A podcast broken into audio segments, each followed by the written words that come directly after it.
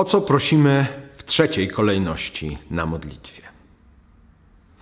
Ewagriusz mówi, że na trzecim miejscu jest proszenie o wyzwolenie od pokusy i od opuszczenia. Co to znaczy? Wyzwolenie od pokusy, tak jak modlimy się w modlitwie pańskiej. I nie dozwól, abyśmy ulegli pokusie, ale nas zbaw ode złego. To jest właśnie ta trzecia prośba według Ewagriusza. Żeby prosić Boga o uwolnienie od pokus oraz żeby stał się naszym Zbawicielem. Żebyśmy nie byli opuszczeni, tylko doświadczali Jego obecności, zbawiennej obecności.